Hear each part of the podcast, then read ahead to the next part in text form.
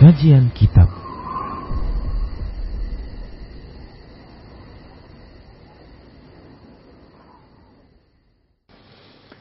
Bismillah, Assalamualaikum warahmatullahi wabarakatuh.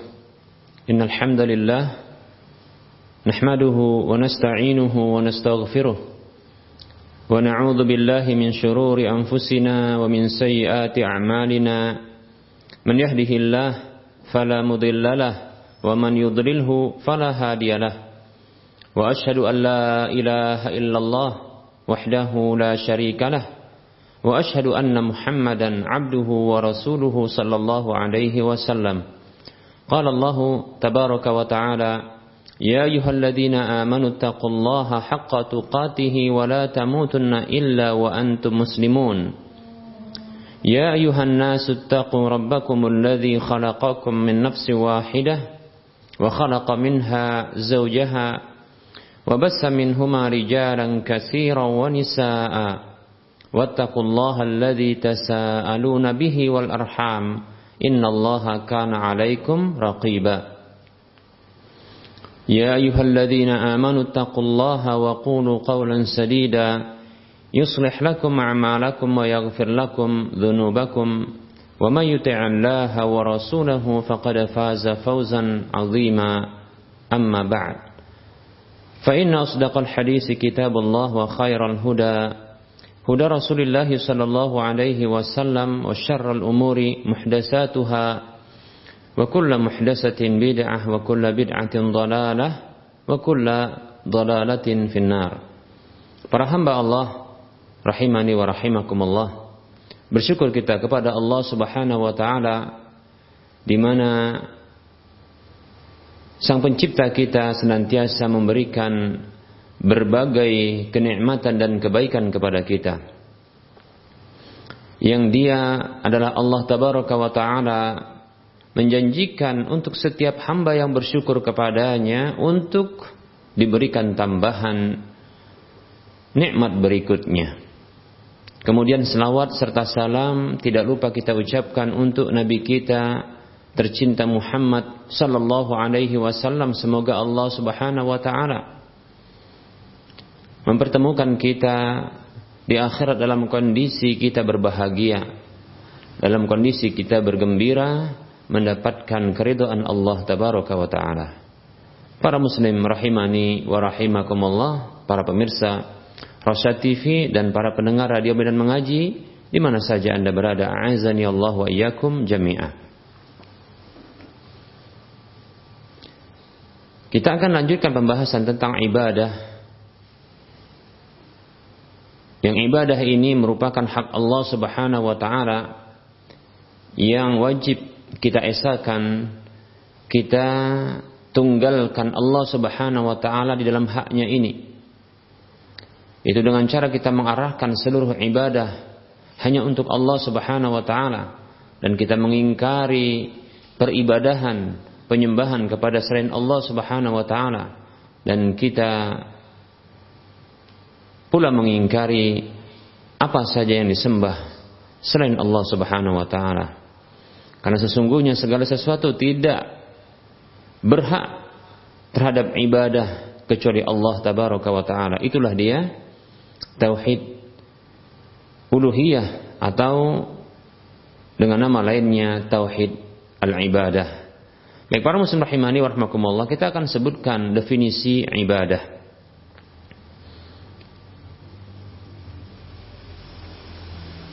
Secara bahasa ibadah adalah bermakna at-tadlil yaitu merendahkan diri. Sebagaimana disebutkan oleh Ibnu Sayyidah, asal ibadati fil lughati at-tadlilu. Makna asal dari ibadah tersebut secara bahasa adalah at-tadlil, yaitu menghinakan diri, merendahkan diri. Demikian pula dinyatakan oleh Al-Imam Al-Jauhari, aslul ubudiyati al-khudu'u wa dhullu Beliau mengatakan aslul ubudiyati itu makna asal dari ubudiyah ibadah itu adalah al khudu ketundukan dan wadzullu dan merendahkan diri. Wal ibadatu at-ta'atu, ibadah itu adalah ketaatan.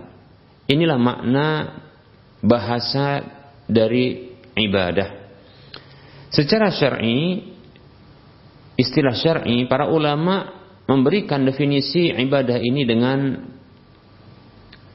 beberapa bentuk ragam definisi yang kembali maknanya kepada satu makna.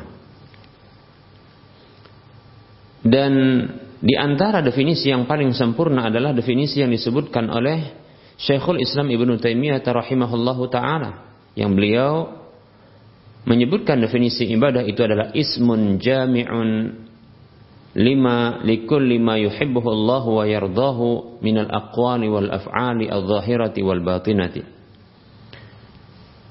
Ibadah itu secara istilah syar'i adalah sebuah istilah yang mencakup apa saja setiap apa saja yang dicintai dan diridhoi oleh Allah Subhanahu wa taala.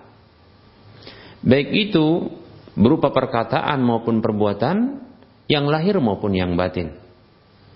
Kita ulangi, definisi ibadah itu adalah ismun jami'un li kulli ma yuhibbuhu Allah wa yardahu minal aqwali wal af'ali adh-dhahirati wal batinah. Sebuah istilah yang mencakup apa saja. Ibadah itu adalah sebuah istilah yang mencakup apa saja. Mencakup setiap apa saja yang dicintai dan diridhoi oleh Allah, dicintai dan diridhoi oleh Allah Subhanahu wa taala. Baik itu berupa perkataan maupun perbuatan. Yang lahir maupun yang batin. Para muslim rahimani wa rahmakumullah. Ibadah itu adalah apa saja yang dicintai oleh Allah Subhanahu wa taala. Sehingga kalau kita simpulkan adalah dari definisi ini ibadah itu perkataan maupun perbuatan yang lahir maupun yang batin. Oleh karenanya nanti ada perkataan-perkataan yang lahir, ada perkataan yang batin, demikian pula ada perbuatan yang lahir, demikian pula ada perbuatan yang batin. Yang tampak maupun yang tidak tampak. Yang semuanya itu dicintai oleh Allah dan diridai oleh Allah Subhanahu wa taala. Dan di antara bentuk atau bukti dicintai oleh Allah Subhanahu wa taala, Allah Subhanahu wa taala memerintahkannya. Allah Subhanahu wa taala memuji pelakunya.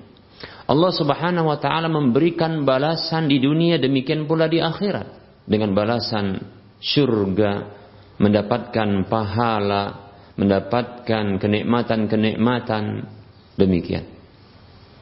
Atau sebaliknya Allah Subhanahu wa taala ya mencela orang yang meninggalkannya. Bukti bahwasanya Allah Subhanahu wa taala itu ya mencintai dan meridai baik itu perkataan maupun perbuatan yang lahir maupun yang batin itu buktinya Allah Subhanahu wa taala mencintai dan meridainya adalah Allah Subhanahu wa taala selain Allah memerintahkannya Allah juga memujinya memuji pelakunya Allah memberikan balasan-balasan pahala-pahala di dunia maupun di akhirat. Demikian pula Allah Subhanahu wa taala memberikan motivasi kepada para hambanya. Bukan hanya ini, begitu juga di antara bukti Allah Subhanahu wa taala mencintai dan meridhoinya adalah Allah Subhanahu wa taala mencela orang yang meninggalkannya. atau melarang bagi orang yang meninggalkannya. Begitu juga Allah Subhanahu wa taala baik itu dengan firman-Nya ataupun dengan sabda Rasulnya yang keduanya adalah wahyu dari Allah Subhanahu wa taala. Allah Subhanahu wa taala mengancam siapa saja yang mengabaikannya dengan ancaman ancaman di dunia maupun ancaman di akhirat. Demikian para muslim rahimani wa rahimah Allah. Itu menunjukkan Allah Subhanahu wa taala meridhai hal tersebut dan mencintai hal tersebut. Demikian para muslim rahimani wa rahimakumullah. Dan ini ya definisi ibadah secara syar'i.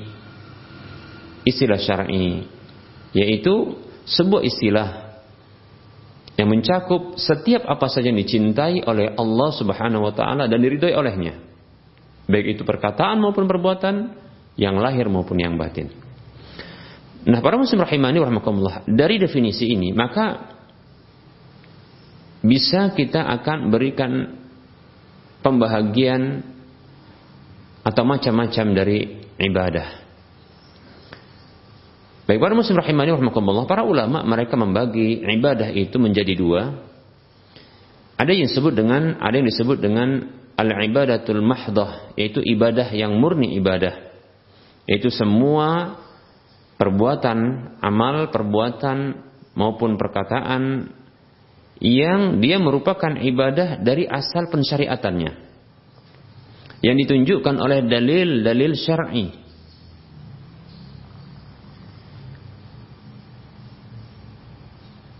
yang menunjukkan tentang pengharaman diarahkan kepada selain Allah Subhanahu wa taala. Ini disebut dengan al-ibadatul mahdah, ibadah yang murni ibadah. Ada jenis yang kedua dari ibadah tersebut disebut dengan al-ibadatu ghairul mahdah, yaitu ibadah yang tidak murni ibadah. Yaitu perbuatan-perbuatan atau perkataan-perkataan yang dia bukan merupakan ibadah pada asal pensyariatannya. Namun dia bisa menjadi ibadah dengan niat yang tulus, niat yang ikhlas, itu ditujukan untuk Allah Subhanahu wa taala. Demikian. Baik kita akan rinci para muslim rahimani warahmatullah. Ibadah yang mahdah ini dulu kita akan bahas. Ibadah mahdah yaitu ibadah yang murni ibadah yang dia memang secara asal pensyariatannya ya ini dinyatakan sebagai ibadah dan ada dalil yang mengharamkannya untuk diarahkan kepada selain Allah Subhanahu wa taala. Baik para muslim rahimani warahmatullah dari definisi yang kita sebutkan, definisi yang paling sempurna tentang ibadah tadi, tadi kita sebutkan bahwa ibadah tersebut adalah sebuah istilah yang mencakup apa saja yang dicintai dan diridhai oleh Allah Subhanahu wa taala yang baik itu perkataan maupun perbuatan yang lahir maupun yang batin. Nah, dari sini akan kita uh, sebutkan secara rinci bahagian-bahagian dari ibadah tersebut atau macam-macam ibadah. Dari definisi yang kita sebutkan, maka macam-macam ibadah itu terbagi menjadi empat. Yang pertama adalah ibadatul qalbi, yaitu ibadah hati.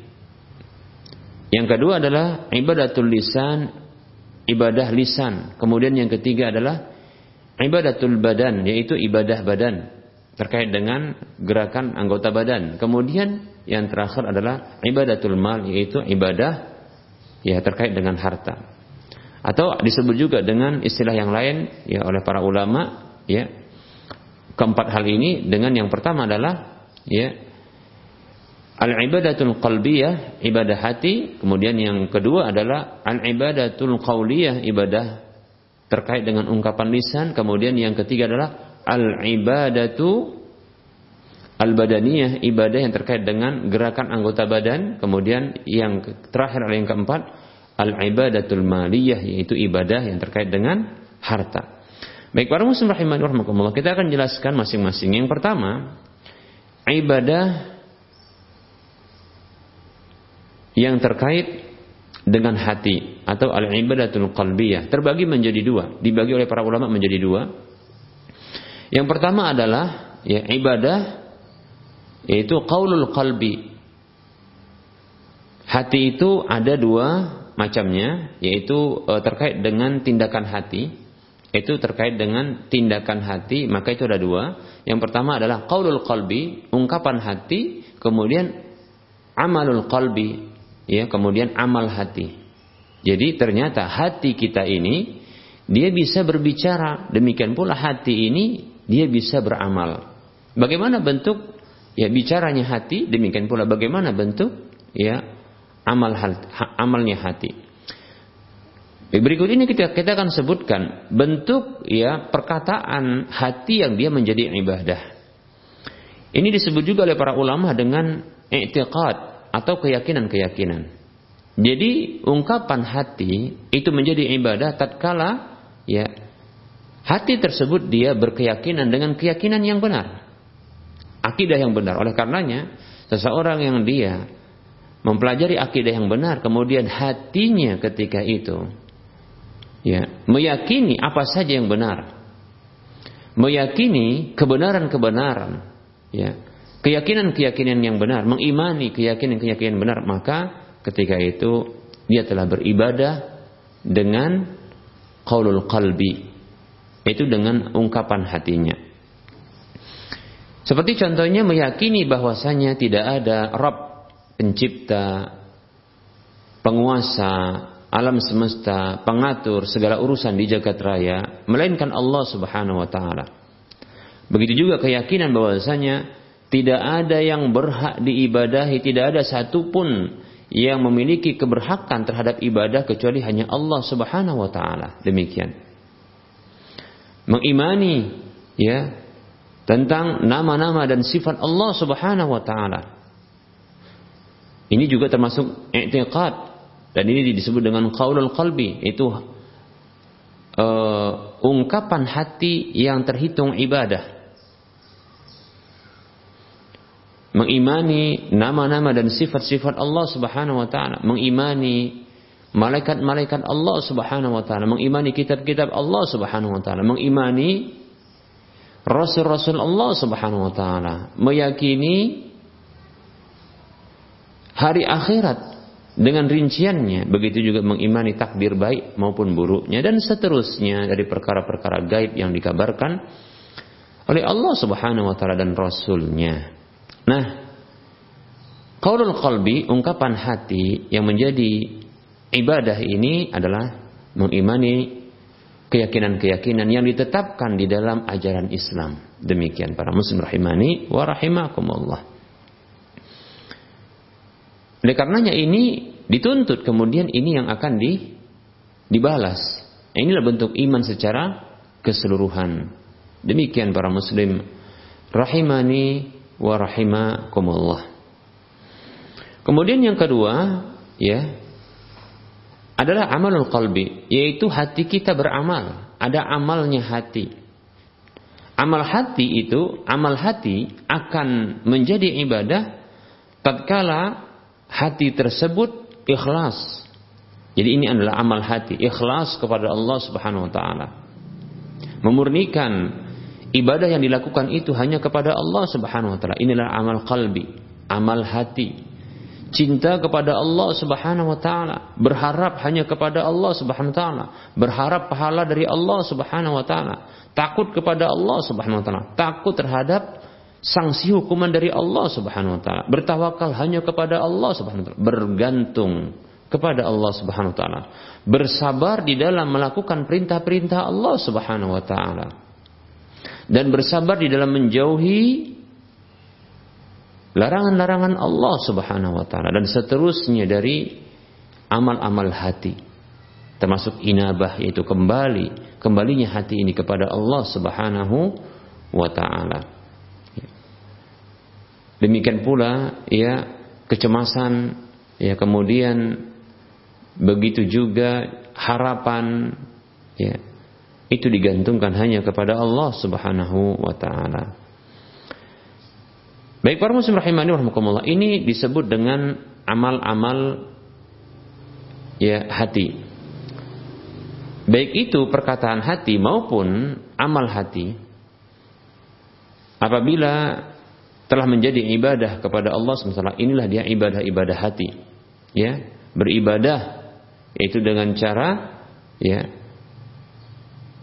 batin yang disebutkan ada definisi yang sempurna tentang ibadah tadi inilah dia ya amal-amal maupun perkataan-perkataan perkataan maupun perbuatan-perbuatan yang yang batin demikian para muslim rahimani wa rahimakumullah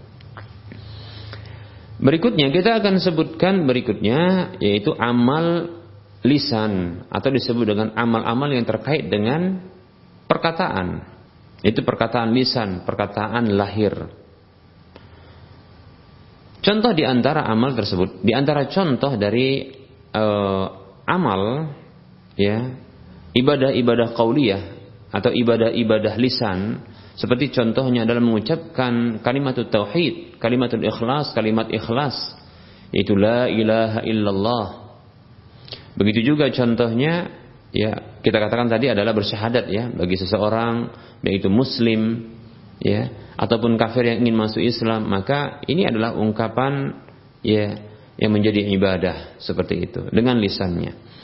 Begitu juga membaca Al-Qur'an, ini juga merupakan ibadah ya, menjadi ibadah.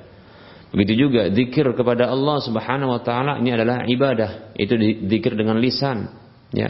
Seperti contohnya ucapan subhanallah, begitu juga ucapan alhamdulillah, ucapan La ilaha illallah ucapan Allahu Akbar atau la haula wa la quwata illa billah demikian dan seterusnya dari zikir-zikir kepada ya untuk mengingat Allah Subhanahu wa taala. Kemudian ya termasuk ibadah lisan adalah berdakwah, mengajak manusia kepada Allah Subhanahu wa taala. Berdakwah mengajak manusia kepada Allah Subhanahu wa taala. Ya.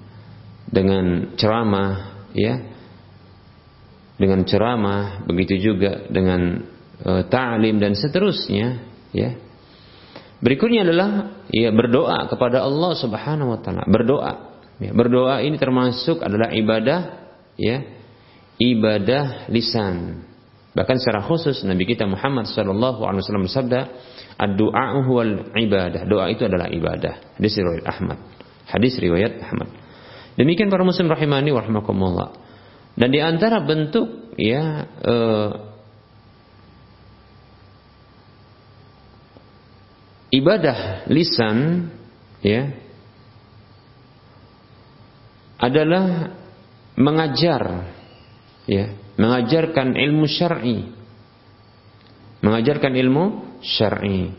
Dari itu contohnya di majlis yang khusus, di majlis yang umum, ya atau di kelas, ya atau mudzakarah, ya yaitu e, berdiskusi tentang ilmu syar'i. Demikian para muslim rahimani wa rahimakumullah serta yang lainnya. Berikutnya kita akan sebutkan ibadah yang berikutnya, yang ini masih ibadah mahdoh, ya, ibadah yang murni, ya, ibadah secara asal pensyariatannya. Yang ketiga adalah ibadah yang terkait dengan badan, seperti contohnya sholat, yaitu gerakan-gerakannya, itu gerakan uh, badan kita ini yang terhitung menjadi ibadah. Begitu juga sujud, puasa, haji, tawaf, jihad, ya, menuntut ilmu, ilmu syar'i maksudnya dan yang lainnya. Berikutnya para muslim rahimani wa rahimakumullah yang termasuk ibadah mahdoh yang keempat ini adalah ibadah yang terkait dengan harta.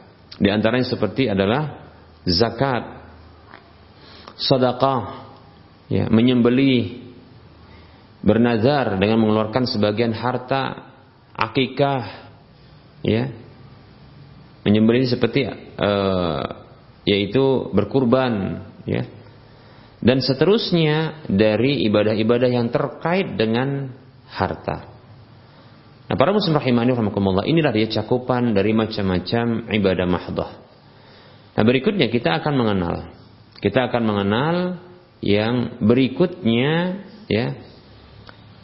Jenis yang kedua dari ibadah yaitu ibadah ghairul mahdoh ya ibadah yang secara asal pensyariatannya dia bukan termasuk kategori ibadah. Namun dengan niat yang tulus dan ikhlas karena Allah Subhanahu wa taala ditujukan untuk Allah Subhanahu wa taala maka dia terhitung menjadi ibadah.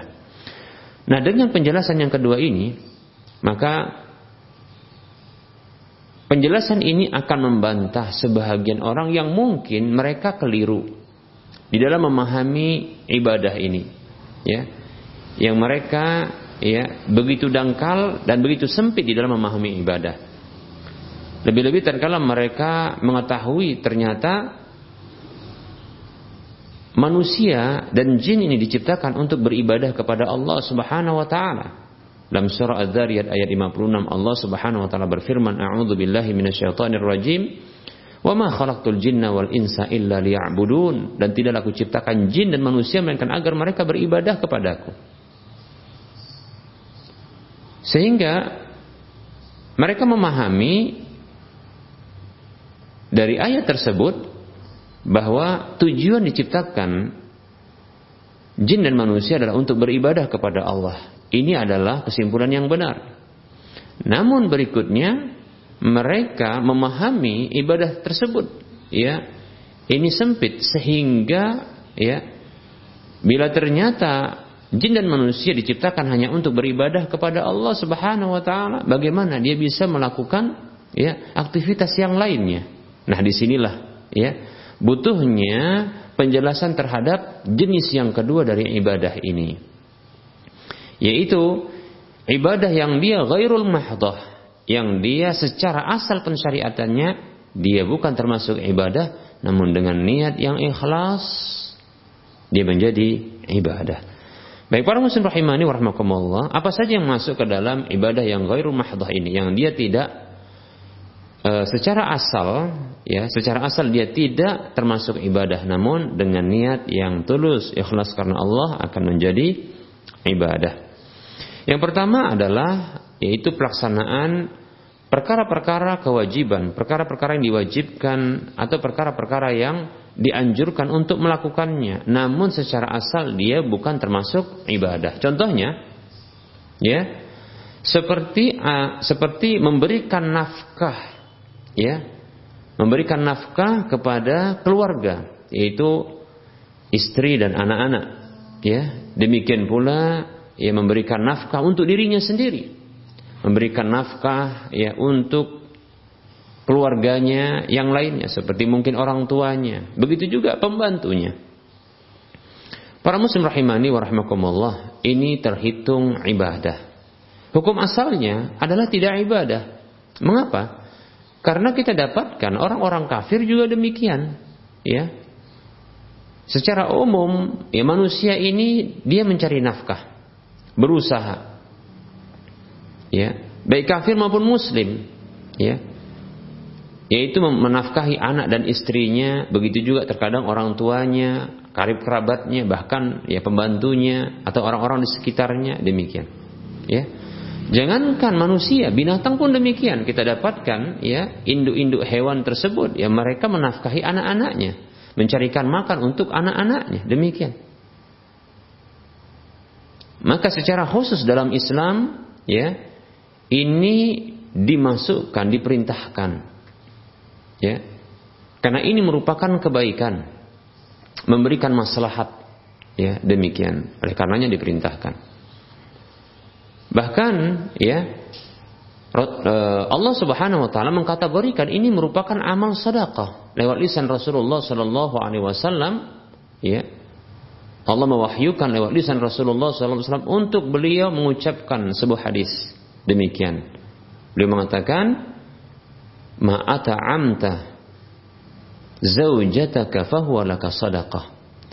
Apa saja engkau berikan makan kepada istrimu maka itu menjadi sedekah bagimu. Lihat. Wa ma'ata'amta waladaka fahuwa laka sadaqah. Dan apa saja yang engkau berikan makan kepada anakmu, maka itu menjadi sedekah bagimu. Wa ma ata'amta khadimaka fahuwa laka sadaqah. Apa saja yang engkau berikan makan kepada pembantumu, maka itu menjadi sedekah bagimu. Bahkan wa ma ata'amta, padahal ini lebih utama. Yang terakhir ini lebih, lebih utama. Kenapa diakhirkan? Karena mungkin sebagian orang tidak mengira bahwasanya ini adalah ibadah. Wa ma ata'amta nafsaka fahuwalaka sadaqah. Dan apa saja engkau beri makan dirimu dengannya, yaitu kita makan. Kita ya, memberi makan, yaitu kita makan makanan. Ya. Untuk memenuhi kebutuhan makan kita. Maka itu menjadi sedekah bagi kita, Masya Allah. Bagimu kata Rasulullah SAW. Hadis ini hadis yang dikeluarkan oleh Imam Ahmad demikian pula At-Tabrani. Hadis yang disahihkan oleh Syekh Al-Albani rahimahullah taala dalam Sahihul Jami. Baik para muslim rahimani warahmatullah ini termasuk ibadah namun ghairul mahdoh. Secara asal pensyariatannya bukanlah ibadah. Mengapa? Karena manusia-manusia yang lain yang kafir bahkan binatang juga melakukannya. Namun karena di dalamnya terdapat maslahat, manfaat, kebaikan yang banyak, maka Allah Subhanahu wa taala memerintahkannya, memujinya, memberikan pahala demikian. Jadilah dia menjadi ibadah seperti itu. Ada juga hadis yang khusus yang lainnya seperti contohnya hadis ya Sa'ad Ibnu Abi Waqqas radhiyallahu anhu Rasulullah pernah bersabda kepada beliau walasta tunfiqu nafaqatan walasta tunfiqu nafaqatan tabtaghi biha wajha Allah illa ujirta 'alaiha hatta luqmata taj'aluha fi fayyi imra'atika. Hadis ini dikutip oleh Imam Bukhari, lafaz seperti ini lafaz Imam Bukhari dan begitu juga dikutip oleh Imam Muslim serta yang lainnya dengan lafaz yang sedikit berbeda tapi makna yang sama. Nabi Shallallahu Alaihi Wasallam bersabda yang artinya tidaklah engkau memberikan nafkah infak yang engkau harapkan dengannya wajah Allah Subhanahu wa taala, mengharap pertemuan dengan Allah Subhanahu wa taala, melihat wajah Allah yang maha indah. Diharapkan seperti itu, melainkan ya, ujir ta'alaiha, engkau akan diberikan pahala atasnya. Dalam riwayat yang lain, ajarakallah alaiha. Allah akan memberikan pahala untukmu ya padanya luqmah sampai pun suapan. Taj'aluha fi fayyi imra'atika yang engkau berikan yang engkau jadikan ada di mulut istrimu. Hadis dari Bukhari dan yang lainnya. Para muslim rahimani rahimakumullah. Makan atau menyuapkan makanan ini sesuatu yang mudah dan bisa dilakukan oleh orang lain. Oleh masing-masing kita dalam kondisi sehat tentunya. Nah, para muslim rahimani rahimakumullah, ternyata tindakan yang biasa dan mudah ini dan ini juga dilakukan oleh manusia yang lain. Bahkan dilakukan juga oleh binatang dengan mungkin cara yang berbeda. Mungkin sebahagian binatang itu memasukkan mulutnya kepada mulut bayinya seperti itu. Sebagian binatang demikian. Induk binatang menyuapkan dengan mulutnya itu ke mulut bayinya, anak-anaknya. Seperti itu. Ini bentuk suapan. Para muslim rahimani warahmatullah ini dilakukan oleh binatang juga.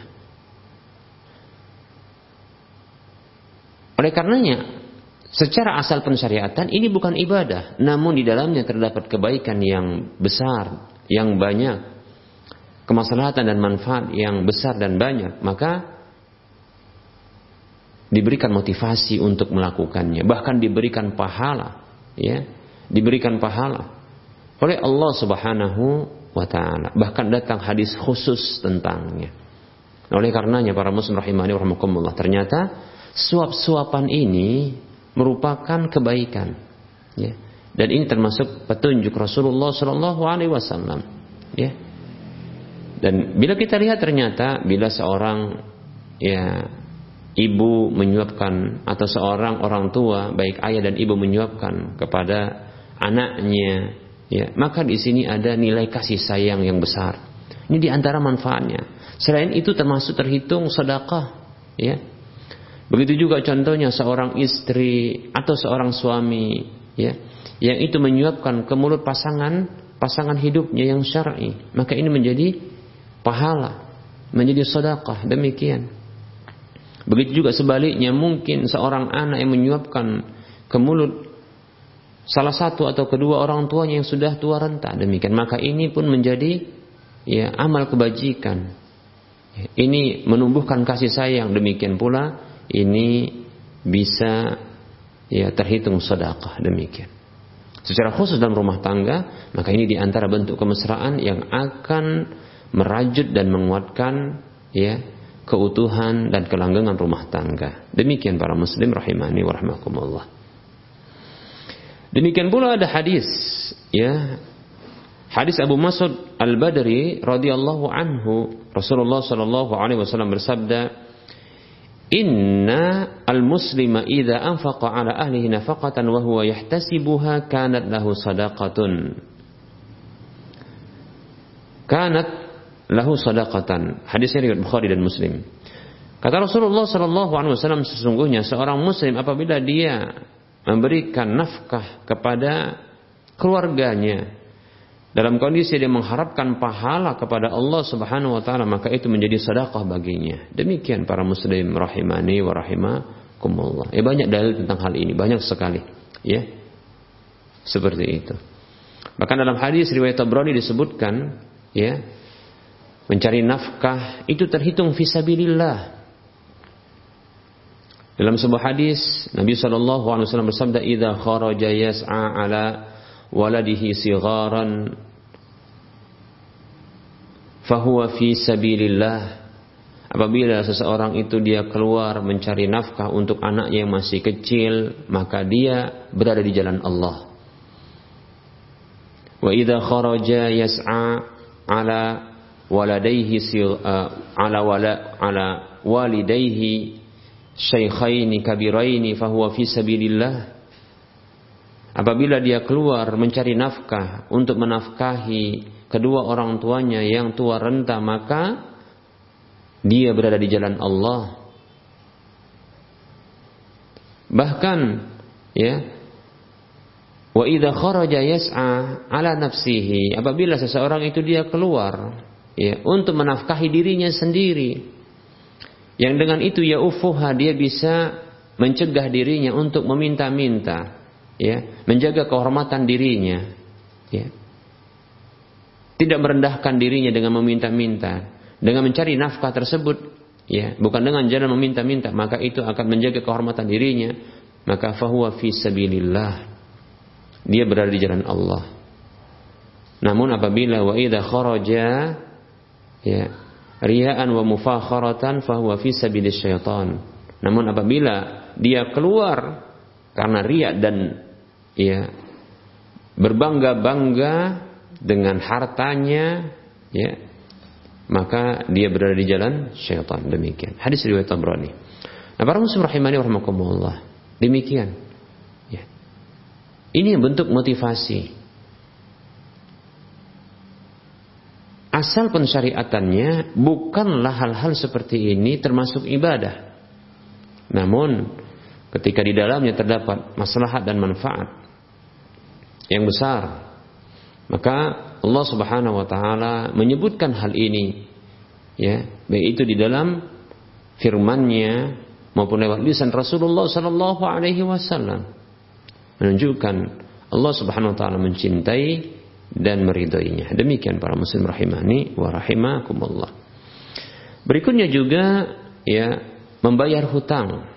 Ya, membayar hutang ini termasuk adalah ibadah yang tidak murni dia ibadah karena secara asal pensyariatannya bukan termasuk ibadah. Demikian. Mengapa? Dikarenakan orang-orang kafir juga melakukan hal ini, membayar hutang dan wajib membayar. Karena di dalamnya terdapat maslahat yang besar, manfaat yang besar. Maka Allah Subhanahu wa taala memerintahkan untuk membayar hutang. Ya, memerintahkan untuk membayar hutang. Ya bahkan mensyariatkan beberapa bentuk syariat ya terkait dengan hutang seperti contohnya ada syariat rahan yaitu gadaian jaminan atas hutang ya adanya perintah untuk mencatat Allah berfirman a'udzu billahi minasyaitonir rajim ya ayyuhalladzina amanu idza tadayantum bidainin ila ajalin musamman faktubuh wahai orang-orang beriman Apabila kalian bertransaksi dengan cara hutang sampai batas waktu tertentu, maka catatlah. Demikian, catatlah. Dicatat. Bahkan Ya di penggalan ayat berikutnya di surah Al-Baqarah ayat 282 disebutkan tentang adanya penghadiran saksi seperti itu. Ya. Ini diperintahkan karena ada maslahatnya, ada manfaat yang besar. Dan apabila dilakukan dipenuhi, maka menjadi ibadah pahala, ada pahalanya. Tapi ghairul mahdah. Ya. Dia secara asal pesyariatannya bukanlah ibadah tapi mendapatkan pahala dihitung menjadi ibadah dengan niat yang ikhlas karena Allah Subhanahu wa taala. Demikian para muslim rahimani warahmatullah. Bahkan ada ancaman yang datang tentang masalah tersebut seperti hadis Nabi sallallahu alaihi wasallam nafsul mu'mini mu'allaqatun bidainihi hatta yuqda anhu. Jiwa seorang muslim terkatung-katung, tergantung dengan hutangnya sampai dilunasi dibayarkan hutang tersebut. Diselesaikan dari dia. Demikian. Baik para muslim rahimani rahimakumullah. Demikian. Nah, ini menunjukkan bahwasanya hal ini menjadi ibadah. Walaupun dia ghairul mahdah. Seperti itu. Oleh karenanya ada sebahagian orang yang dia begitu bersemangat ya di dalam ya pelaksanaan ibadah-ibadah mahdoh namun ternyata dia tidak bersemangat di dalam ibadah-ibadah ghairul mahdoh. Ya. sesungguhnya ibadah mahdoh ini pada umumnya ini terkait dengan hak-hak Allah Subhanahu wa taala. Walaupun di sana ada hak manusia juga seperti contohnya zakat ya demikian. Tapi pada umumnya ini merupakan hak Allah Subhanahu wa taala. Ya Nah, para muslim rahimani wa rahimakumullah. Nah, ternyata ya ada juga hak-hak manusia dan hak-hak para hamba, hak-hak makhluk yang lainnya. Apabila diberikan dipenuhi, maka ini bernilai pahala pula. Dan ini tercakup di dalam al-ibadah ghairu mahdoh, yaitu ibadah ya yang secara asal pensyaratan bukan termasuk ibadah, namun akan menjadi ibadah dengan niat yang yang ikhlas dan tulus kepada Allah Subhanahu wa taala. Demikian. Ini pada umumnya terkait dengan hak manusia atau hak sesama, hak sesama makhluk. Nah, para muslim rahimani wa rahimakumullah. Begitu juga contohnya seperti ya, oh, taat kepada pemerintah dalam hal-hal yang yang dia merupakan hal-hal yang tidak bertentangan dengan ketetapan Allah dan Rasulnya bukan dalam hal yang bermaksiat kepada Allah dan Rasulnya. Maka ini juga termasuk ibadah. Termasuk ibadah. Ghairul mahdoh ya. Yang dia secara asal pensyariatannya bukan terhitung ibadah. Tapi menjadi ibadah dengan niat yang benar. Seperti itu. Sepertinya di masa saat ini ya di masa pandemi di mana virus corona ya ini masih ada dan terus dia merambah dunia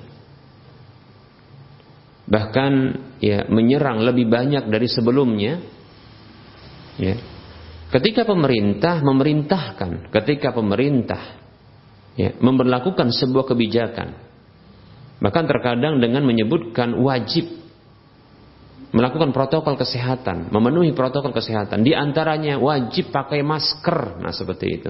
Karena ini seolah-olah benteng terakhir. Ya, benteng yang akan menghalangi ya virus tersebut untuk masuk dan ya menginfeksi seseorang korbannya begitu ya.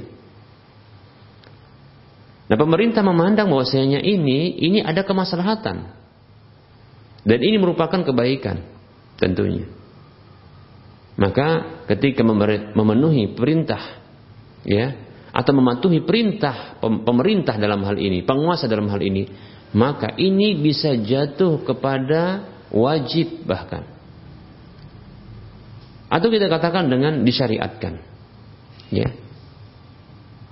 Allah Subhanahu wa taala berfirman dalam surah An-Nisa ayat 59 kalau tidak salah Allah mengatakan a'udzu billahi minasyaitonir rajim ya ayyuhalladzina amanu atti'ullaha wa atti'ur rasula wa ulil amri minkum wahai orang-orang beriman taatilah Allah taatilah Rasul dan pemimpin di antara kalian yang memegang, yang memegang urusan ya urusan-urusan kalian di antara kalian. Itulah penguasa kita.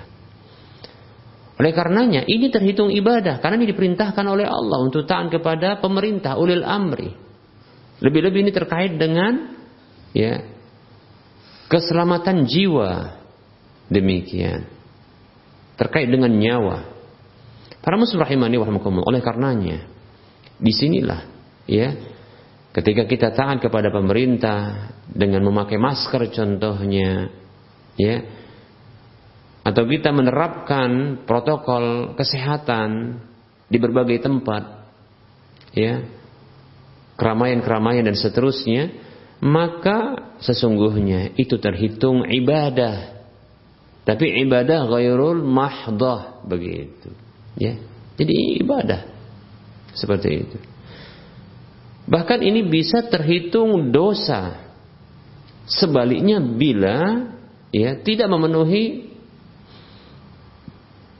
perintah penguasa, pemerintah dalam hal ini.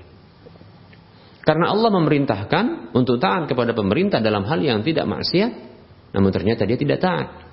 Demikian. Para muslim rahimani wa rahimakumullah. Baik para muslim rahimani wa rahimakumullah.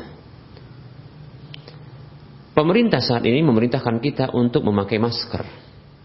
Maka ketahuilah ketika kita memakai masker, ya, maka kita mendapatkan pahala. Kita terhitung ibadah.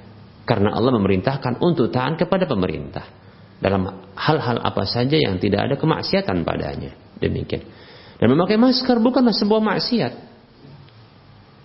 Bahkan ini maslahat. Baik para muslim rahimani sedikit kita menyentuh ya tentang masalah sholat ketika memakai masker. Memang ada larangan Nabi Shallallahu Alaihi Wasallam untuk menutup mulut ketika ya sholat. Dalam sebuah hadis Nabi SAW, nahan Nabi Wasallam an yughatiya rojulu ya, fahu. Atau kama qala atau kama qila.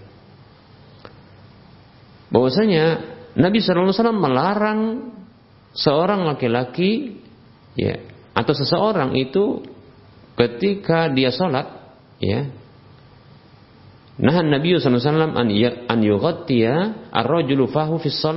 Rasulullah melarang seorang laki-laki atau seseorang itu sholat ya menutup mulutnya dalam kondisi sholat. Demikian. Hadisnya sahih baik para muslim rahimani warahmatullah kita dapatkan memang ada pembicaraan dalam masalah ini.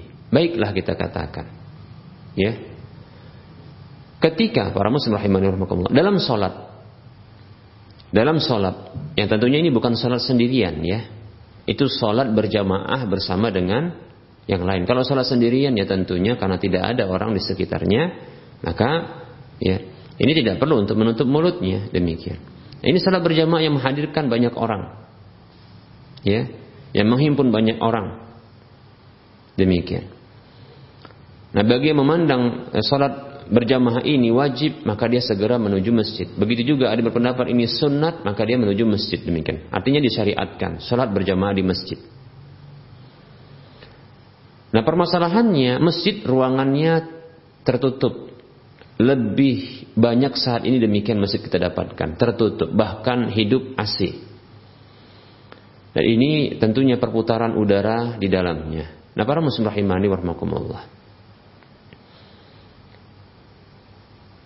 Satu pendapat ya menyatakan bahwa dalam kondisi salat berjamaah yang menghadirkan orang banyak maka dibolehkan untuk menutup mulutnya untuk menghindarkan persebaran virus yang barangkali ya ini untuk mencegah dirinya untuk tidak tertularkan dengan izin Allah virus tersebut atau dirinya tidak menularkan kepada orang lain virus tersebut apabila dia terjangkiti dengan izin Allah tentunya ya persebaran tersebut terjadi. Nah, para muslim rahimani rahimakumullah, larangan tersebut menurut jumhur ulama adalah makruh. Sehingga ketika ada sesuatu yang menuntut ya untuk menutup mulut, bahkan di sini ada masalah besar ya, karena akan menghindarkan kemudaratan yang lebih besar, maka larangan ini pun ya menjadi boleh sehingga menutup mulut berhukum boleh. Lebih-lebih untuk menjaga kesehatan. Ya. Untuk tidak tertular atau tidak menularkan kepada orang lain dan pertularan itu penularan itu dengan izin Allah tentunya. Demikian. Ingat ini dalam kondisi salat berjamaah atau menghadirkan orang banyak ketika itu. Baik para muslim rahimani warahmatullah. Ketika seseorang ya dia menutup mulutnya dalam salat berjamaah yang ketika itu menghadirkan orang banyak dan dia melakukan hal ini ya karena memahami sabda Nabi Shallallahu Alaihi Wasallam yang merupakan wahyu dari Allah Subhanahu Wa Taala, la wala dirar dan sebagai bentuk praktek terhadap ya sabda Nabi Shallallahu Alaihi Wasallam ini La darara wala dirar. Tidak boleh memudarkan diri dan orang lain. Hadis riwayat Ad-Daruqutni. Demikian. Maka dia memakai masker. Maka ini sungguh dia mendapatkan pahala. Lebih-lebih demikian pula perintah dari Allah untuk mentaati pemimpin dalam hal ini. Seperti itu. Adapun bagi orang yang memandang bahwasanya larangan menutup mulut ketika sholat itu merupakan haram. Sehingga kekhawatiran ya untuk jatuh atau kekhawatiran untuk tertular atau menularkan ini kecil menurutnya mungkin atau tidak bisa menjadi sebab untuk terhilangnya, terhilangkannya perkara yang haram ini lalu dia tidak menutup mulutnya. Baik, dalam hal ini ada perbedaan pendapat, silahkan. Ya, silahkan berpendapat tidak memakai masker. Namun tentunya, namun tentunya setelah sholat atau sebelum sholat, maka hendaknya dia menyiapkan masker untuk dirinya. Karena larangan tersebut hanya ketika sholat. Namun sebelum dan setelah sholat, maka dia diikat dengan ketaatan kepada Allah yang memerintahkan untuk taat kepada pemimpin dengan menerapkan protokol kesehatan di antaranya adalah memakai masker. Demikian. Begitu juga ketika keluar dari masjid, begitu juga ketika beraktivitas di luar. Seperti itu. Mestinya kalau jujur di dalam mentaati pemerintah, mentaati Allah juga. Demikian para muslim rahimani wa rahimakumullah. Nah, sedikit kita sentuh ini. Jadi sesungguhnya ketika kita keluar rumah ya, memakai masker ya, karena taat kepada Allah Subhanahu wa taala yang memerintahkan untuk mentaati pemimpin dalam perkara-perkara yang tidak maksiat kepadanya. Di antaranya adalah untuk menerapkan protokol kesehatan dan di antaranya penerapan protokol kesehatan tersebut adalah memakai masker, maka kita mendapatkan pahala seperti itu. Lebih-lebih kita khawatir tertular atau menularkan bila kita terjangkiti. Dan penularan tersebut itu dengan izin Allah tentunya. Nah tentunya kita mendapatkan pahala juga dan seterusnya. Demikian para muslim rahimani warahmatullah. Ini disebut dengan al-ibadah ghairul mahdah. Ini ibadah yang tidak murni ibadah secara asal pensyariatan yang bukan ibadah, namun dia diperintahkan ya, dia dicintai dia diridhoi oleh Allah Subhanahu wa taala karena memiliki maslahat yang besar. Begitu juga para muslim rahimani wa rahimakumullah. Ya, yaitu menikah. Menikah juga termasuk ibadah. Yang secara secara asal pensyariatannya bukanlah dia ibadah. Mengapa dia bukan ibadah secara asal pensyariatannya? Karena sesungguhnya kita dapatkan orang-orang kafir juga demikian mereka menikah dengan cara mereka tentunya. Bahkan binatang-binatang juga menikah versi mereka karena nikah secara bahasa itu bahasa Arab secara ya makna bahasa Arab adalah nikah itu maknanya al-jima yaitu berhubungan badan. Jadi menikah juga. Nah, dikarenakan di dalamnya terdapat masalah masalah yang besar, manfaat yang besar, maslahat dan manfaat yang besar lagi banyak, maka diperintahkan oleh Allah, dimotivasi untuk melakukannya. Demikian para muslim rahimani warahmatullah. Oleh karenanya, ya Rasulullah Shallallahu Alaihi Wasallam ya memerintahkan untuk menikah. Ya ma'syarus syabab, man istata'a minkumul ba'ah falyatazawwaj. Wahai para pemuda, siapa saja di antara kalian yang mampu untuk al-ba'ah menikah, ya, maka menikahlah. Fa innahu aghaddu lil basari wa ahsanu lil farji. Karena sesungguhnya itu lebih mampu untuk menundukkan pandangan dan lebih mampu menjaga kemaluan. Demikian para muslim rahimani wa rahimakumullah. Seperti itu. Begitu juga contohnya ya mentaati suami. Begitu juga menyenangkan istri. Mentaati suami, menyenangkan pasangan hidup. Nah, ini juga termasuk apa? Ibadah. Termasuk ibadah. Demikian. Ya. Termasuk ibadah, tapi ghairul mahdoh, dia tidak murni ibadah. Mendapatkan pahala. Ya. Begitu juga contohnya berhubungan badan antara suami dengan istri. Bahkan Rasulullah mengatakan wa fi buti ahadikum sadaqah. Ya, pada urusan ya alat kelamin kalian itu kurang lebih seperti itulah maknanya kita sebutkan ya. Itu ada sedekah di sana. Demikian. Sampai-sampai para sahabat pun ya itu tidak bisa mengidentifikasi di awal bahwasanya itu ibadah. Para sahabat bertanya, ya, Ya Rasulullah, ayati ahaduna syahwatahu wa yakunu lahu fiha ajrun? Wahai Rasulullah, apakah salah seorang di antara kami men menyalurkan syahwatnya, dia mendapatkan pahala? Maka Rasul mengatakan,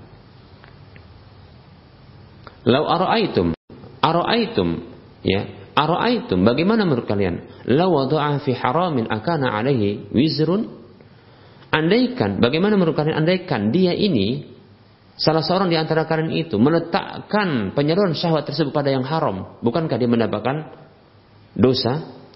Wa kadzalika idza wada'aha fi halalin kana lahu ajrun. Begitulah apabila dia meletakkannya pada yang halal, maka dia mendapatkan pahala. Seperti itu.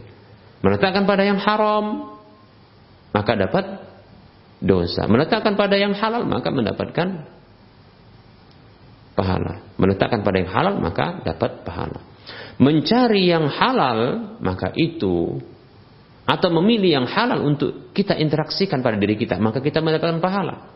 Menghindarkan yang haram nanti akan kita sebutkan insya Allah taala ya pada waktu menantang barangkali ya itu juga mendapatkan pahala.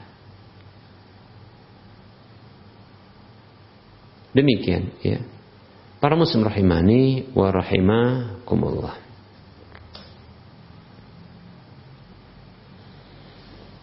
Begitu juga ya di dalam uh, memberikan hutang, ya memberikan hutang, ya memberikan hutang. Ini juga termasuk ya ibadah, namun ibadah ghairul mahdoh yang secara asal pensyariatannya bukanlah ibadah, namun dia dengan niat yang ikhlas maka akan menjadi ibadah. Bahkan datang motivasi secara khusus untuk hal tersebut. Kata Nabi Shallallahu Alaihi Wasallam, "Ma min muslimin aqrada musliman qardan marrataini kana ka sadaqatiha marratan." Kata Nabi Shallallahu Alaihi Wasallam, kalau salahnya hadis riwayat Ibnu Majah, Nabi kita Muhammad Shallallahu Alaihi Wasallam bersabda, tidaklah ada seorang muslim ya yukridu musliman qardan. Yang memberikan ya yang memberikan hutang kepada muslim yang lainnya. Ini dengan dua kali hutang karena kasadaqatiha marratan. Maka jadilah hal itu tidaklah hal tersebut ya terjadi melainkan itu seperti dia memberikan ya sedekah sekali. Illa kana ka sadaqatiha marratan. Melainkan hal itu seperti dia bersedekah sekali. Demikian. Para muslim rahimahni warahmatullah ini luar biasa ya. Begitu juga memberikan hadiah ya memberikan hadiah. Ini juga termasuk apa? Termasuk ibadah. Namun ibadah yang ghairul mahdoh demikian. Bahkan Rasulullah SAW memberikan man, apa namanya penjelasan tentang manfaatnya. Kata Nabi SAW setelah beliau memberikan apa? Perintah. Tahadau tahabu. Salinglah memberi hadiah. Pasti kalian saling mencintai. Demikian perhatikan ya. Diperintahkan oleh Nabi kemudian menjelaskan tentang manfaatnya. Hadis riwayat Baihaqi. Seperti itu. Ya. Begitu juga contohnya berbakti kepada kedua orang tua. Bahkan ya bakti kepada orang tua ini diwajibkan oleh Allah Subhanahu wa taala. Bahkan itu diiringkan dengan hak Allah Subhanahu wa taala. Diwajibkan oleh Allah dan dijadikan sebagai hak orang tua yang wajib dipenuhi oleh para anak Kemudian Allah gandengkan hak tersebut dengan hak dirinya. Allah berfirman, "A'udzu billahi minasyaitonir rajim. Wa qada rabbuka alla ta'budu illa iyyahu wa bil walidaini ihsana." Rabbmu itu Allah tabaraka wa taala menetapkan janganlah kalian beribadah kecuali hanya kepadanya dan berbaktilah kepada kedua orang tua berbuat baiklah kepada kedua orang tua demikian Allah gandengkan ketetapan dua hak ini. Hak Allah kemudian hak kedua orang tua. Allah gandengkan. Nah para muslim rahimahni warahmatullah. Begitu juga memuliakan tamu. Ini merupakan ibadah tapi ghairul mahdah. Ya. Yang dia bukan secara asal, bukan secara asal pensyariatannya, dia bukanlah ibadah. Namun karena ada masalah dan manfaat yang besar maka diperintahkan. Yang apabila kita niat ikhlas untuk melakukannya ya maka ini mendapatkan pahala. Bahkan ini termasuk ya ciri keimanan yaitu memuliakan tamu ya memuliakan tetangga demikian. Kata Nabi Shallallahu Alaihi Wasallam man kana yu'minu billahi wal yaumil akhir falyaqul khairan aw liyasmut wa man kana yu'minu billahi wal yaumil akhir falyukrim dhaifahu Wa man kana yu'minu billahi wal yawmil akhir falyukrim jarahu. Hadis riwayat Bukhari Muslim. Siapa saja yang beriman kepada Allah dan hari akhir maka berkatalah yang baik atau dia diam. Berkata yang baik. Ya. Walaupun ini bukanlah mungkin ungkapan-ungkapan seperti zikir, doa, begitu juga membaca Al-Quran. Namun berkata yang baik kepada orang, lembut. Ya, Walaupun berbicara tentang masalah dunia, maka ini merupakan ibadah tapi ghairu mahdhah. Ketika tidak mampu maka diam, diam karena khawatir jatuh kepada perkataan yang buruk, bahkan dosa, maka ini menjadi ibadah ketika dilakukan diam tersebut demikian. Siapa saja beriman kepada Allah dan hari akhir, maka muliakanlah tamunya. Tamu dimuliakan ketika datang. Ini merupakan ibadah ghairu mahdah. Itu ibadah yang tidak yang tidak ibadah secara asal pensyariatannya, namun menjadi ibadah ketika ada niat yang ikhlas. Mengapa dia bukan ibadah secara asal pensyariatannya? Karena ternyata orang-orang kafir juga melakukannya. Bahkan orang-orang Arab jahiliyah dahulu pun mereka memuliakan tamu-tamu mereka. Demikian. Berikutnya Nabi mengatakan sallallahu alaihi wasallam dan siapa saja yang beriman kepada Allah dan hari akhir maka muliakanlah tetangganya. Memuliakan tetangga. Sekedar menyapa, berkata yang baik, memberikan hadiah maka ini termasuk memuliakan tetangga. Para muslim rahimani. Dan ini seterusnya banyak sekali ya.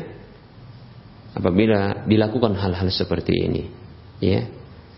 Perintah-perintah, kewajiban-kewajiban, perintah-perintah yang sifatnya wajib maupun yang sifatnya anjuran yang secara asal pensyariatannya dia bukan ibadah tapi menjadi ibadah tatkala dilaksanakan dengan niat yang ikhlas dan dikarenakan di sana banyak sekali manfaatnya dan besar faedahnya besar kebaikannya maka ketika disyariatkan maka ini di sini bernilai ibadah dan mendapatkan pahala. Dan banyak lagi ya. Barangkali yang uh, ini yang bisa kita sampaikan. Insyaallah taala kita akan lanjutkan pada waktu mendatang ya untuk rincian-rincian atau jenis-jenis atau macam-macam dari uh, ibadah yang ghairul mahdhah, yang ibadah yang secara asal pensyariatan yang bukan ibadah namun termasuk ibadah ketika ada niat yang ikhlas untuk melakukannya ya dan itu disebabkan karena banyaknya kebaikan serta banyaknya manfaat sekaligus besarnya kebaikan dan manfaatnya. Demikian para muslim rahimani wa rahimakumullah. Kita cukupkan untuk penyampaian materi, kita akan lanjutkan dengan sesi soal jawab.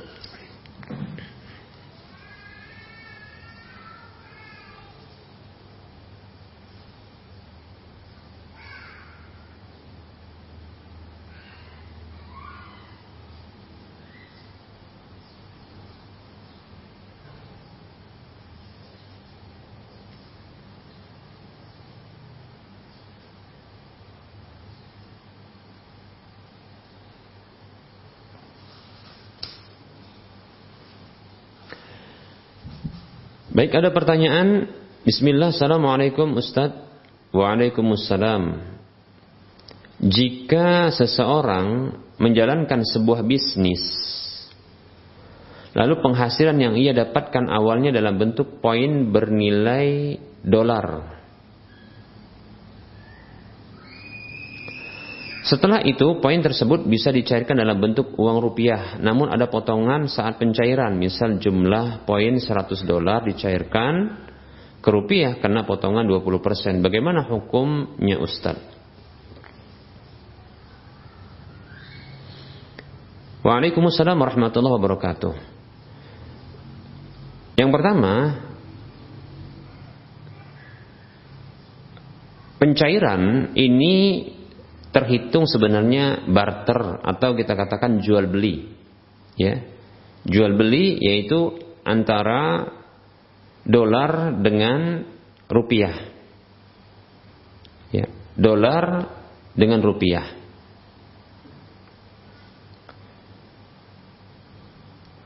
Maka pertukaran dolar dengan rupiah andaikan ya pencarian ini seperti ini disebut dengan e, dan betul-betul poin tersebut memang mewakili dia adalah e, mewakili e, dolar tersebut ya nilai mata uang dolar ya.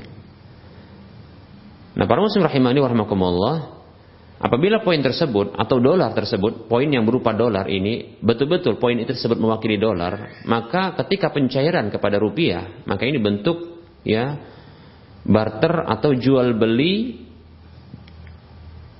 mata uang tapi dengan jenis yang berbeda. Pertukaran antara dolar dengan rupiah.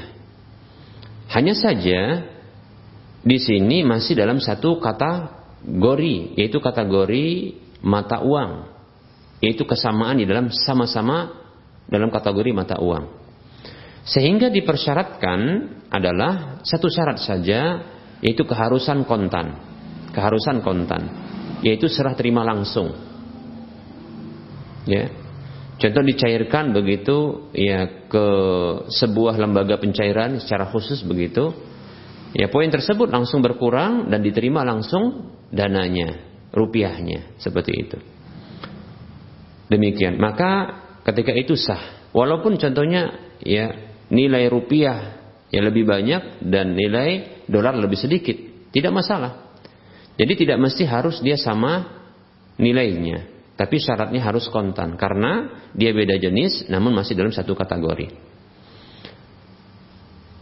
Dalam hal ini, maka ini terka, uh, apa namanya uh, termasuk ke dalam sabda Nabi Shallallahu Alaihi Wasallam, "Faidah ikhtalafat wa idah ikhtalafat hadhil asnafu fabi'u kaifa syi'tum."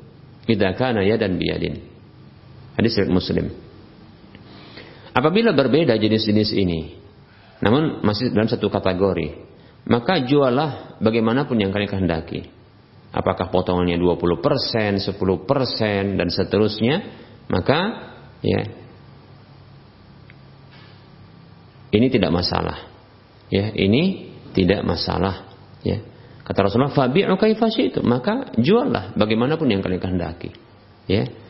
Asalkan idza kana yadan biadin. Asalkan kontan, cash, tunai demikian. Iya dan biadin, tangan dengan tangan, yaitu tangan penjual dengan tangan pembeli seperti itu. Itu saling memberi, saling menyerahkan demikian. Artinya kontan. Nah kalau dalam bentuk poin tentunya seperti mungkin membawa eh, apa namanya membawa sebuah tanda bukti ya kepemilikan poin tersebut. Yang ini mewakili dolar. Setelah itu ditukarkan walaupun ada potongan 20% ya demikian ya.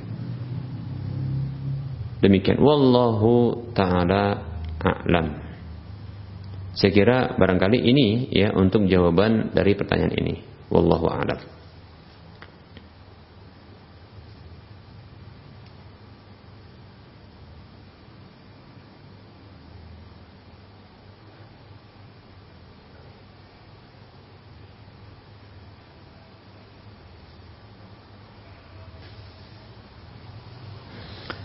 Baik, ada pertanyaan berikutnya yang kedua. Assalamualaikum warahmatullahi wabarakatuh, Ustaz. Waalaikumsalam warahmatullahi wabarakatuh. Saya hamba Allah di Sulawesi Selatan di Bugis. Barakallahu fiik. Masya Allah jauh sekali ya. Pertanyaan saya Ustadz di masjid kami tempati di masjid kami tempati berjamaah kalau masuk sholat maghrib. Maaf, intonasinya kurang tepat ya. Di masjid kami tempati berjamaah kalau masuk sholat maghrib imamnya adan dan langsung komat. Bolehkah saya datang lebih awal ke masjid tersebut dan melakukan sholat tahiyatul masjid dan melanjutkan dengan sholat qobliyah maghrib tapi adzan di masjid tersebut belum dikumandangkan? Padahal waktu sholat maghrib sudah masuk. Baik masya Allah pertanyaannya luar biasa ini ya. Barakallahu fiq jazakallahu khair baik ya. Uh, perlu kita ketahui bahwasanya salat qabliyah maghrib ya salat sunat sebelum maghrib itu hukumnya adalah sunat. Dan yang tepat adalah sunnah ghairu muakkadah itu salat sunat yang tidak ditekankan ya. Salat sunat yang tidak ditekankan bahkan ini disepakati oleh semua ulama ya dari berbagai madhab ya salat sunat yang ghairu muakkadah yang tidak ditekankan demikian Bukan sama hukumnya dengan sholat setelahnya, yaitu ba'diyah, yaitu ba'diyah maghrib. Sholat sunat ba'diyah maghrib, sepakat para ulama ini adalah sholat sunat muakkadah. Ya, sholat sunat rawatib yang dia muakkadah. Rawatib itu adalah artinya adalah sholat sunat yang mengiringi sholat fardu baik setelah maupun sebelumnya. Demikian. Rasulullah SAW bersabda, "Sallu qabla al-maghrib, sallu qabla al sallu qabla al-maghribi, sallu qabla al-maghribi." Ya, Rasul mengatakan salatlah sebelum maghrib, salatlah sebelum maghrib tiga kali, salatlah sebelum maghrib. Liman sya'a bagi yang mau. Kalimat ini liman sya'a menunjukkan dia bukanlah ya muakkadah demikian bagi yang mau demikian. Nah seperti itu. Baik, e, bolehkah sholat sunat qabliyah ini sebelum adzan? Baik, para muslim rahimani warahmatullah. Nah, tentunya para muslim rahimani warahmatullah rahim, rahimani rahimani warahmatullah ya. Salat e, sunat qabliyah maksudnya adalah salat sunat sebelum dari salat fardu tersebut apabila telah masuk waktunya. Apakah dipersyaratkan azan sebelumnya? Nah, di sinilah yang uh, sepertinya terjadi perbedaan pendapat. Saya condong tidak mesti, tidak mesti, ya, tidak mesti harus dipersyaratkan azan untuk sholat sunat qabliyah ya dari sebuah sholat fardu demikian ya tidak mesti ada syarat adzan. Oleh karenanya, tetap saja disyariatkan bagi wanita yang sholat di rumah contohnya. Ya. Begitu juga contohnya orang yang sakit atau yang punya udur bagi laki-laki untuk ke masjid. Ada udur, ada halangan syar'i untuk tidak ke masjid. Ya. Lalu sholat di rumah. Maka ada disyariatkan bagi dirinya untuk melakukan sholat sunat. Sholat sunat qabliyah sebelum sholat fardunya. Walaupun dia tidak adzan, walaupun dia tidak mendengarkan adzan. Wallahu taala Demikian, ya. Seperti itu. Asalkan dengan syarat adalah dia telah mendapati masuk waktu sholat tersebut. Ya. Telah mendapati masuk waktu sholat tersebut. Demikian. Baik para muslim rahimani wa rahimakumullah.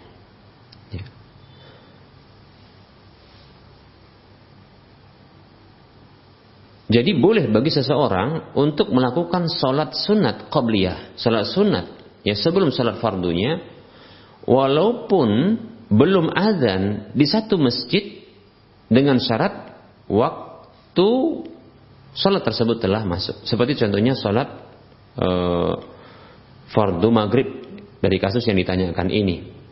Bahkan itu kelihatan karena mungkin masjidnya itu berada ya dekat laut sehingga matahari tenggelam itu sangat jelas sekali. Hanya saja ketika, ketika tenggelam matahari, ya, azan belum kunjung berkumandang. Maka boleh bagi seseorang untuk melakukan salat tahiyatul uh, maaf, untuk melakukan salat uh, maghrib walaupun belum azan demikian. Andaikan seandainya ya, contoh ini, contoh ya. Seseorang masuk ke dalam masjid. Lalu dia salat tahiyatul masjid. Sudah? Kemudian dia dapati begitu tenggelam matahari belum juga adzan, maka dia pun salat qabliyah maghrib. Kemudian setelah itu selesai, adzan, ya, lalu dia pun mendapati ya ada waktu luang karena ketika itu jamaah melakukan sholat juga, ya. Karena contohnya mereka masih memberikan waktu untuk melakukan sholat sunat, ya. Maka boleh bagi orang tersebut untuk melakukan sholat sunat, tapi bukan qobliyah, namun sholat sunat antara ya dua adzan. Kata Nabi SAW, Bainal adanaini salatun. Antara dua adzan, yaitu adzan pertama dengan adzan kedua. Adzan pertama adalah adzan yang kita ketahui istilah adzan itu. Adzan kedua itulah yang komat, maka di situ ada salat. Maka silahkan dia melakukan salat. Seperti itu. Wallahu ta'ala alam. Demikian. Ya. Jadi, dua adzan, yaitu adzan pertama dengan komat, ya, maka ini para muslim rahimani rahmatullah, ini ada dalil tersendiri untuk melakukannya. Bukan berarti maksudnya antara adzan dan iqamat itu itu salatnya adalah salat qabliyah, belum, ya, tidak mesti. Ya, tidak mesti. Ya, tidak harus seperti itu. Demikian para muslim rahimani rahmatullah, ya. Jadi boleh ya wahai saudaraku yang ada di Bugis ya Sulawesi Selatan ya. Barakallahu fiik. Ya. Wallahu taala alam. Baik para muslim rahimani warahmatullah, barangkali kita cukupkan dulu untuk uh, penyampaian materi dan menjawab pertanyaan yang sudah masuk. Tentunya dalam penyampaian ini banyak kesalahan dan banyak kekurangan dan kekeliruan. Tentunya kesalahan dan kekurangan ini sebabnya berasal dari diri pribadi dan bisikan syaitan kepada Allah saya mohon ampun kepada para pemirsa dan para pendengar sekalian saya mohon maaf wassalamualaikum ala Muhammad subhanakallahumma wa bihamdika asyhadu astaghfiruka wa atubu walhamdulillahi rabbil alamin. Wassalamu alaikum warahmatullahi wabarakatuh